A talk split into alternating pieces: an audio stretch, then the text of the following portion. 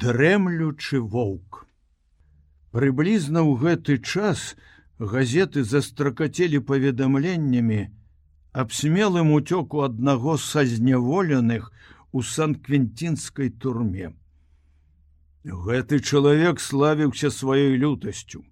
Ён быў скалечаны жыццём самага нараджэння, а грамадства нічым не дапамагло яму злачынца гэты з'яўляўся надзвычайным прыкладам таго што у што можа ператварыцца чалавечы матэрыял які трапіў бязлітасныя руки грамадства. Это была жывёла. Праўда жывёла якая мела выгляд чалавека але тым не менш інакш як драпежнікам яго нельга было назваць. У сан-квінтінскай турме ён лічыўся за непапраўнага. Некае пакаранне не магло зламаць яго ў партасці.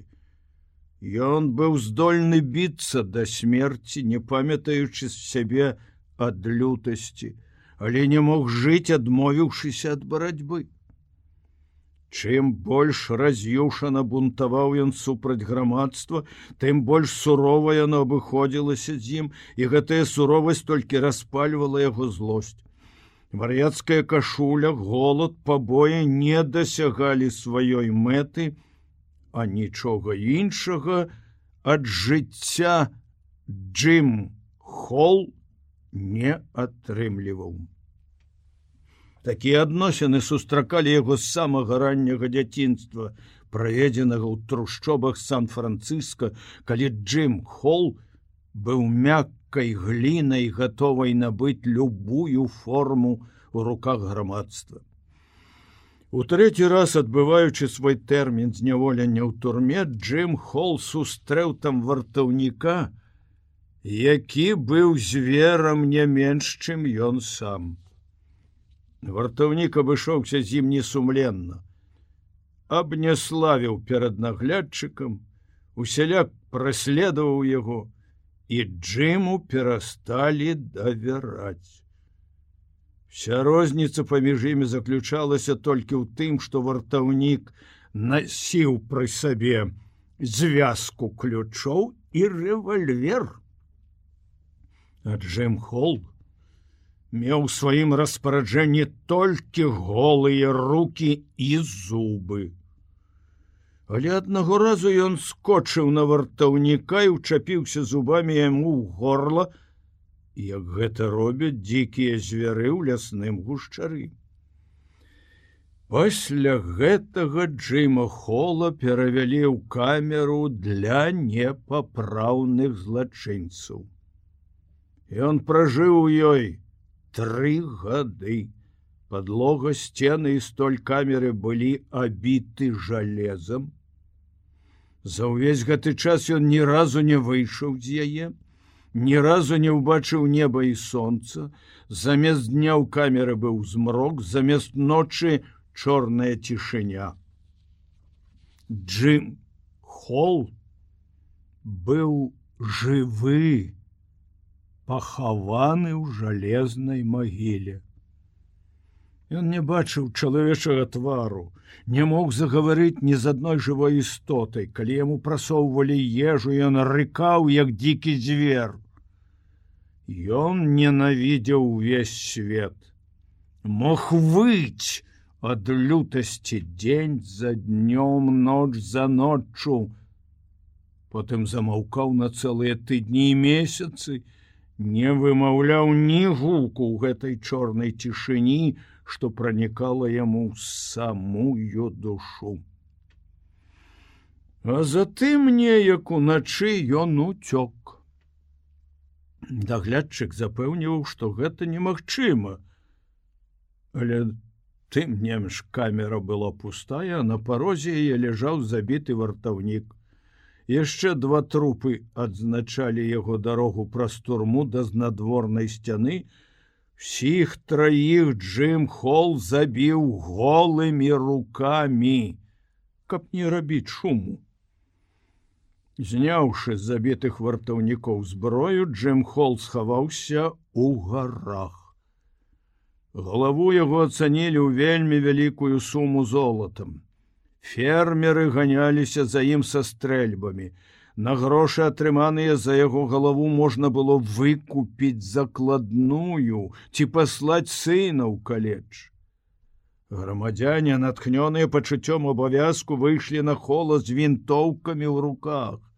Зграя шпікоў імчалася па крывавых слядах, якія пакідалі яго ногі а паліцыя тэлефанавала посылала тэлеграмы заказвала спецыяльныя паязды ні ўдзень ні ўначы не спыняючы сваіх пошукаў. Час ад часу джим холл попадаўся сваім праследавальнікам. І тады людзі по-геройску ішлі яму насустрач або ў рассыпную праз дротавыя гароджы на вялікую радасць у цёй краіны, якая за снеданнем чытала пра гэта ў газетах. Пасля такіх сутычак забітых і параненых адвозілі ў горад, а іх месцы займалі другія аматары палявання на чалавека. А потым Джим Холл знік. Сабакі дарэмна, беглі па яго слядах. Узброеныя людзі затрымлівалі ні ў чым не вінаватых фермераў, якія пападаліся далёка ў глыбіні краіны і прымушалі іх засведчыць сваю асобу. А тыя, хто пра прагнуў атрымаць выкуп за галаву хола, дзясяткі разоў знаходзілі ў гарах яго астанкі. Увесь гэты час газеты чыталіся ў с'еравісце не столькі з цікаўнасцю, колькі з трывогай. Жанчыны былі перапалоханы, суддзя скот храбрыўся і жартаваў над імі, не маючы на гэта ніякіх падстаў, Таму што незадоўга да таго, як ён выйшаў адстаўку, Джим Холл стаяў перад ім у суде і выслухаў ад яго свой прыгавор. І там жа ў зале суда перад усёй публікай Джим Холл заявіў, што надыдзе дзень, калі ён адпомсціць суддзі, што вынес гэты прыгавор. На гэты рад Джим Холл казаў праўду. Ён не быў вінаваты ў тым злачынств, за якое яго асудзілі злодзейскім свеце і сярод паліцэйскіх гэта называлася прокаціцца па чыгунцы. Джим Холл прокаціўся ў турму за злачынства, якое ён не зрабіў. Прыняўшы пад увагу той факт, што Джим Холл ужо быў асуджаны двойчы, суддзя Скотт даў яму 50 гадоў турэмнага зняволення. Суддзя Скот многага не ведаў, не падазраваў і таго, што зрабіўся супольнікам змовы паліцэйскіх, што паказанні былі падстроены і скажоны, што Джим Холл не меў дачынення да злачынства.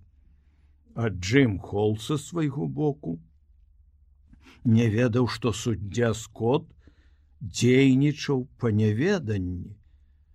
Джим Холл быў упэўнены, што суддзя Скот все гэта вельмі добра ведае і выносячы гэты страшэнны па сваёй несправядлівасці прыгавор дзейнічае заадно з паліцыяй.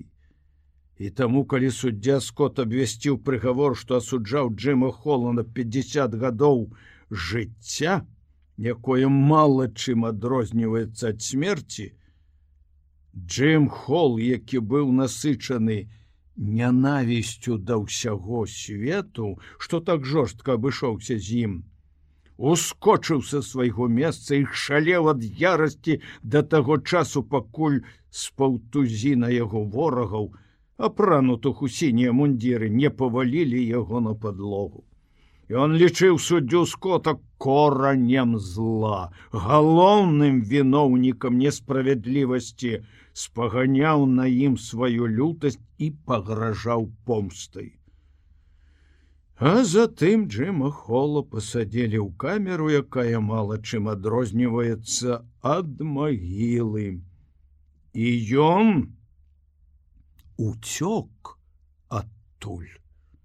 Аб усім гэтым белы клык нічога не ведаў, але паміж ім і жонкай гаспадара Эліс існавала тайна кожную ноч, пасля таго як уся с'еравіста клалася спаць, Эліс паднімалася з ложка і ўпускала белага клыка на ўсю ноч у хол. А паколькі белы клык не быў пакаёвым сабакам, яму не дазвалялася спаць у доме, то на світанне яна спускалася ўніз, пакуль усе яшчэ спалі і выпускала яго на двор. В одну такую ноч, калі ўвесь дом спаў белы клык прачнуўся, але продолжаў ляжаць зусім ціха. Ён павёў носам і адразу учуў прысутнасць у доме незнаёмага Бога. Да яго вушэй даляталі гукі крокаў. Белы клык не пачаў злосна брахаць. Это было не ў яго звычаі. Незнаёмы Бог ступаў вельмі ціха, але яшчэ цішэй ступаў белы клык, Таму што на ім не было адзення, якое на хаду церлася б аб цела. Ён рухаўся моўчкі. У лясной глушы яму даводзілася паляваць за палахлівай дзічынай, і ён ведаў, як важна застаць яе знянацку. Незнаёмы спыніўся каля лесвіцы, пачаў прыслухоўвацца белы клык замёр. Ён стаяў не кратаючыся і чакаў, што будзе далей. Лесвіца вяла ў калідор, дзе былі пакоі гаспадара і самых дарагіх для яго істот. Белаклык натапырыўся, але прадаўжаў чакаць. Незнаёмы Бог падняў нагу, Ён пачаў паднімацца па прыступках, і ў гэтую хвіліну белы клык кінуўся. Ён зрабіў гэта без усякага папярэджання, нават не зарыкаў. Цела яго ўзляцела ў паветра і опусцілася прама на спіну незнаёмага. Белы клык павіс пярэднімі лапамі на яго плячах і ў той жа самы час упіўся яму клыкамі ў шыю. Ён павіс на ім усім сваім цяжарам і ў адзін момант, перакуліў Бога на спіну абодва паваліліся на подлогу белы клык адскочыў бок але як толькі чалавек паспрабаваў устаць на ногі ён зноў скочыў і упіўся ў яго клыкамі. Все жыхары с'яравісты прачнуліся. Па шуму які далятаў з лесвіцы можна было ўявіць што там распачалі бойку цэлыя полчышчы д'яблаў даносіліся рэвальверныя стрэлы нехта прарэзліва крычаў ад жахую болю чуўся страшэнны рык. І ўсе гэтыя гукі суправаджалі звон разбітага шкла. Грук ад перакуленай мэблі але шум сціх раптоўна як і ўзнік вся барацьба продолжалася не больш за три хвіліны Перапалоханая сям'я стоўпілася на пляцоўцы лесвіцы, знізу, як з бяздоння змроку даляталі булькаючыя гукі, нібы паветра выходзіла з бурбалкамі на паверхню вады. Часамі гукі гэтыя пераходзілі ў сіпення, летня ў свісталі яны таксама хутка замерлі, чулася толькі цяжкае дыханне, быццам нехта лавіў ротам паветра, Віден скот павярнуў выключатель, і струмень святла заліў лесвіцу і хол. Потым ён і суддзя скот асцярожна спусціліся ўніз, трымаючы на пагатове рэвальверы. Між іншым засцярога гэтая была лішняя. Белы клык ужо зрабіў сваю справу. Пасярэдзіне перакуленай паламанай мэблі на баку ляжаў чалавек. Твар яго быў прыкрыты рукой. Уіден скот нахіліўся і павярнуў чалавека тварам у гору. Зяючая рана на горле не выклікала сумненняў адносна прычыны яго смерти. Джим Холл! Сказаў суддзя скот. Бацька і сын многазначна паглядзелі адзін на аднаго. Затым яны спыніліся каля белага клыка.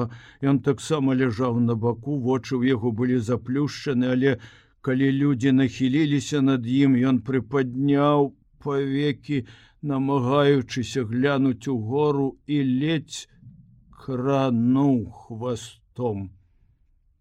Уідан скот пагладзіў белага клыка і ў адказ на гэтую ласку той забурчаў. Але бурчанне прагучала ледь чутна і зараз жа абарвалася. Павекі яго задрыжэлі, заплюшчыліся, все тело обмякло и выпросталося на подлозе. Дрэнная твоя справа не барака промырмытаў гаспадар. Ну это мы яшчэ ўбачым, сказаў суддзя, накіроўваючыся да телефона. Яго адзін шанс на тысячу, сказаў хірург, які паўтары гадзіны правёў, каля белага клыка. Пачало днець. За выключэннем дзяцей вся сям'я сабралася каля хірурга, каб паслухаць, што ён скажа пра белага клыка. Пералом задняй нагі тры зламаных рэбры адно з них прайшло ў лёгкае, вельмі вялікая страта крыві. Магчыма, ёсць і іншыя ўнутраныя пашкоджанні, таму што як відаць яго топталі нагамі. Я ўжо не кажу про тое што ўсе тры кулі прайшлі на вылёт. Ды не. Один шанс на тысячу. Мабыць надта аптымістычна. Яго няма і аднаго на 10 тысяч але нельга траціць і гэтага шансу усклікнуў суддзя скот якіх бы грошай гэта не каштавала. Трэба трэба зрабіць прасвечванне. Ну все что трэба будзе. Выдам тэлеграфуйце зараз жа ў сан-франциско доктору нікальс вы вядома разумееце доктор что я не сумняваюся ў ваших веданнях але сабака не павінен страціць ні адной магчымасці. Хірург спагадліва усміхнуўся. Зразумела, зразумела, рабіце ўсё, што вы можаце. Ён гэтага заслугоўвае. За ім трэба даглядаць як за чалавекам, як за хворым дзіцем. І не забывайце пра тэмпературу. Я зайду ў 10 гадзін. Догляд за белым клыком быў вельмі добры. Дочки з суддзі з абурэннем адхілілі прапанову выклікаць спрактыкаваную сядзелку і ўзяліся за гэтую справу самі. І белы клык вырваў у жыцця той адзіны шанс, у якім яму адмаўляў хірург. Але не трэба асуджаць хірурга за яго памылку. Всё сваё жыццё яму прыходзілася лячыць і аперыраваць выпешчаных цывілізацыяй людзей, патомкаў многіх далікатных пакаленняў. У параўнанні з белым клыком усе яны здаваліся кволамі і слабымі і не ўмелі чапляцца за жыццём. Белы клык быў выхадцам з лясной глушы, якая знішчае слабых і нікому не дае літасці, ні ў яго маткі, ні ў бацькі. Не ў многіх пакаленняў продкаў не было і адзнак слабасці. Лясная глуш узнагародзіла белага клыка жалезным, арганізмам і жывучасцю. І ён чапляўся за жыццё з усёю партасцю, якая яшчэ спрадвеку была ўласціва кожнай жывой істоце.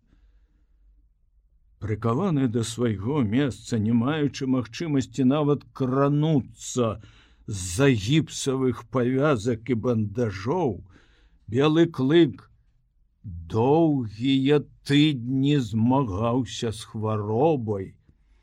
Ён спаў гадзінамі, бачыў вялікую колькасць сноў і мозгу яго бясконцай чарадой. Праносіліся вобразы поўначы, мінулае, ажыло, і абступіла белага клыка з усіх бакоў. Ён зноў жыў у логаве скіч. Зноў дрыжучы падпаўзаў да ног шэрага бабра выказваючы яму сваю пакорлівасць. Зноў ратаваўся ўцёкамі ад ліп-ліпа і выючай з граішчанюкоў белы клык зноў бегаў по маўклівым лесе палюючы за дзічынай у доўгія дні голаду Затым ён бачыў сябе на чале запрэшкі, чуў, як меца і шэры бабёр ляскаюць пугамі і крычаць ра! Калісані ўз'язджаюць у цясніну і запрэшка сціскаецца, як складзены веер, каб праціснуцца па вузкай дарозе. З дзень за днём прайшло перад ім жыццё, у прыгожуна сміта і бойкі, у якіх ён удзельнічаў. У гэтыя хвіліны ён скуголіў і рыкаў і людзі, што сядзелі каля яго, гаварылі, што белому клыку сніцца дрэнны сон.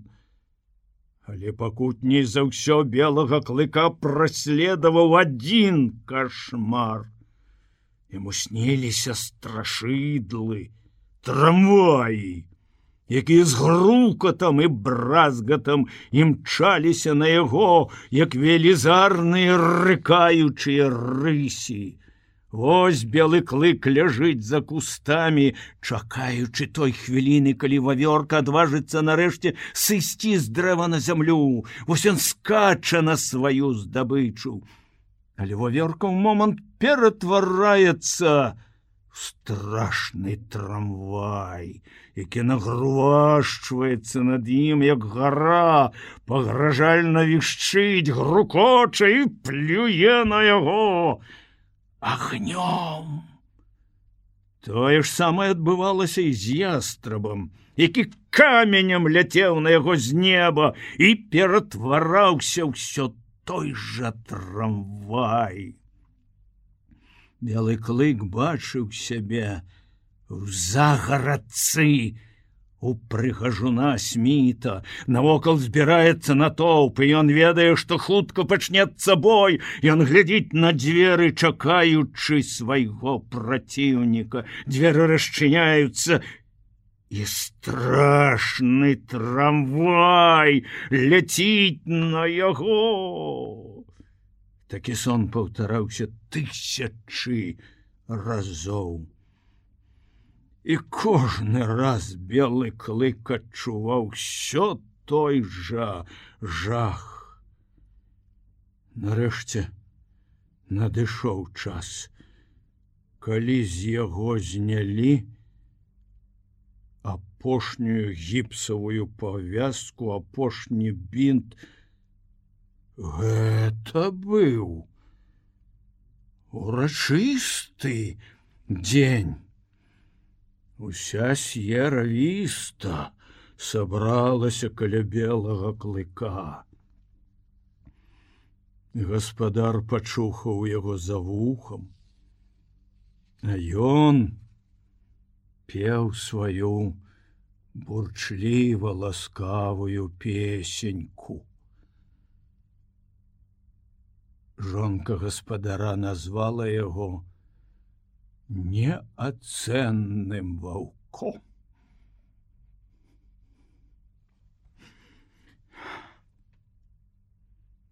імя гэтае сустрэлі радаснымі крыкамі і ўсе жанчыны. Пачалі называць яго. Неацэнны воўк.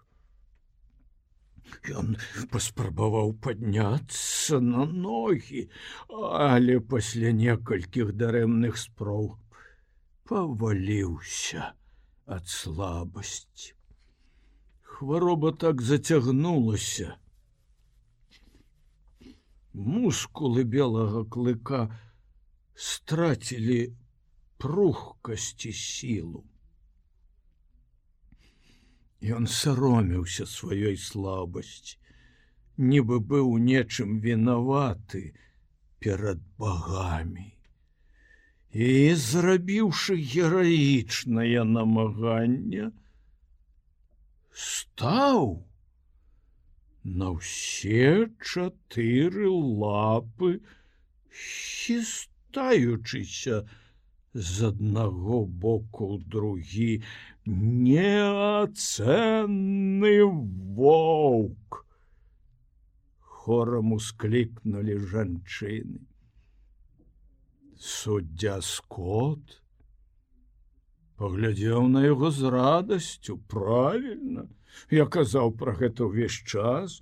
Ніводзін сабака не мог бы зрабіць таго што зрабіў ён. Ён воўк неацэнны воўк поправіла яго жонка. Так неацэнны воўк згадзіўся суддзя і з гэтай хвіліны я толькі так і буду называць яго. Яму прыйдзецца на нанова вучыцца хадзіць сказаў доктор няхай зараз і пачынае цяпер ужо можна. Выведзеце яго на двор. І белы клык выйшаў на двор а за ім ішлі ўсе жыхары яравісты ён быў вельмі слабы і дайшоўшы да лугавіны лёг на траву, некалькі хвілін адпачываў. Потым працэсія рушыла далей. Паступова з кожным крокам мускулы белага клыка наліваліся сілай. Кроў хутчэй, хутчэй пералівалася па жылах. Дайшлі да стайні. Там каля варот ляжала коллі. А навокал яе гулялі на сонцы шасцёра тоўстых шчанюкоў. Белы клык паглядзеў на іх з недаўменнем. Коллі пагражальна зарыкала, і он палічыў за лепшае трымацца ад яе як мага далей. Гаспадар падштурхнуў да яго ногой шчанюк поўзаў по траве. Белы клык натапырыўся але гаспадар супакоіў яго колі якую стрымлівала адна жанчын не зводзіла з яго насцярожаных вачэй рыкам папярэджвала што супакойвацца яшчэ рана Шчанюк падпоўз да белага клыка той натапырыў вушы і з цікаўнасцю агледзеў яго. Потым яны дакрануліся адзін аднаго насамі і белы клык адчуў, як цёплы язычок шчанюка лізнуў яго шчаку. Сам не ведаючы, чаму так здарылася, Ён высунуў язык і аблізаў шчанюку мордачку. Багі сустрэлі гэта апладысментамі і крыкамі захаплення. Белы клык здзівіўся і з недаўменнем паглядзеў на іх. На яго зноў напала слабасць. Апусціўшыся на зямлю, ён натапыру вушы і, паглядаючы на шчанюка, нахіліў галаву на бок. Астатнія шчанюкі таксама падпаўзлі бліжэй белы клык з важным выглядам дазваляў ім узбірацца на сябе і скочвацца на траву, апладысменты. Спачатку прымусі, ну, прымусілі яго адчуць ранейшую няёмкасць. Але неўзабаве гэта прайшло. Шчанюкі прадаўжалі сваю валтузню, А белы клык, які цярпліва ляжаў прыгрэты сонцам, прышплюшчыўшы вочы, павольна пачаў драмаць.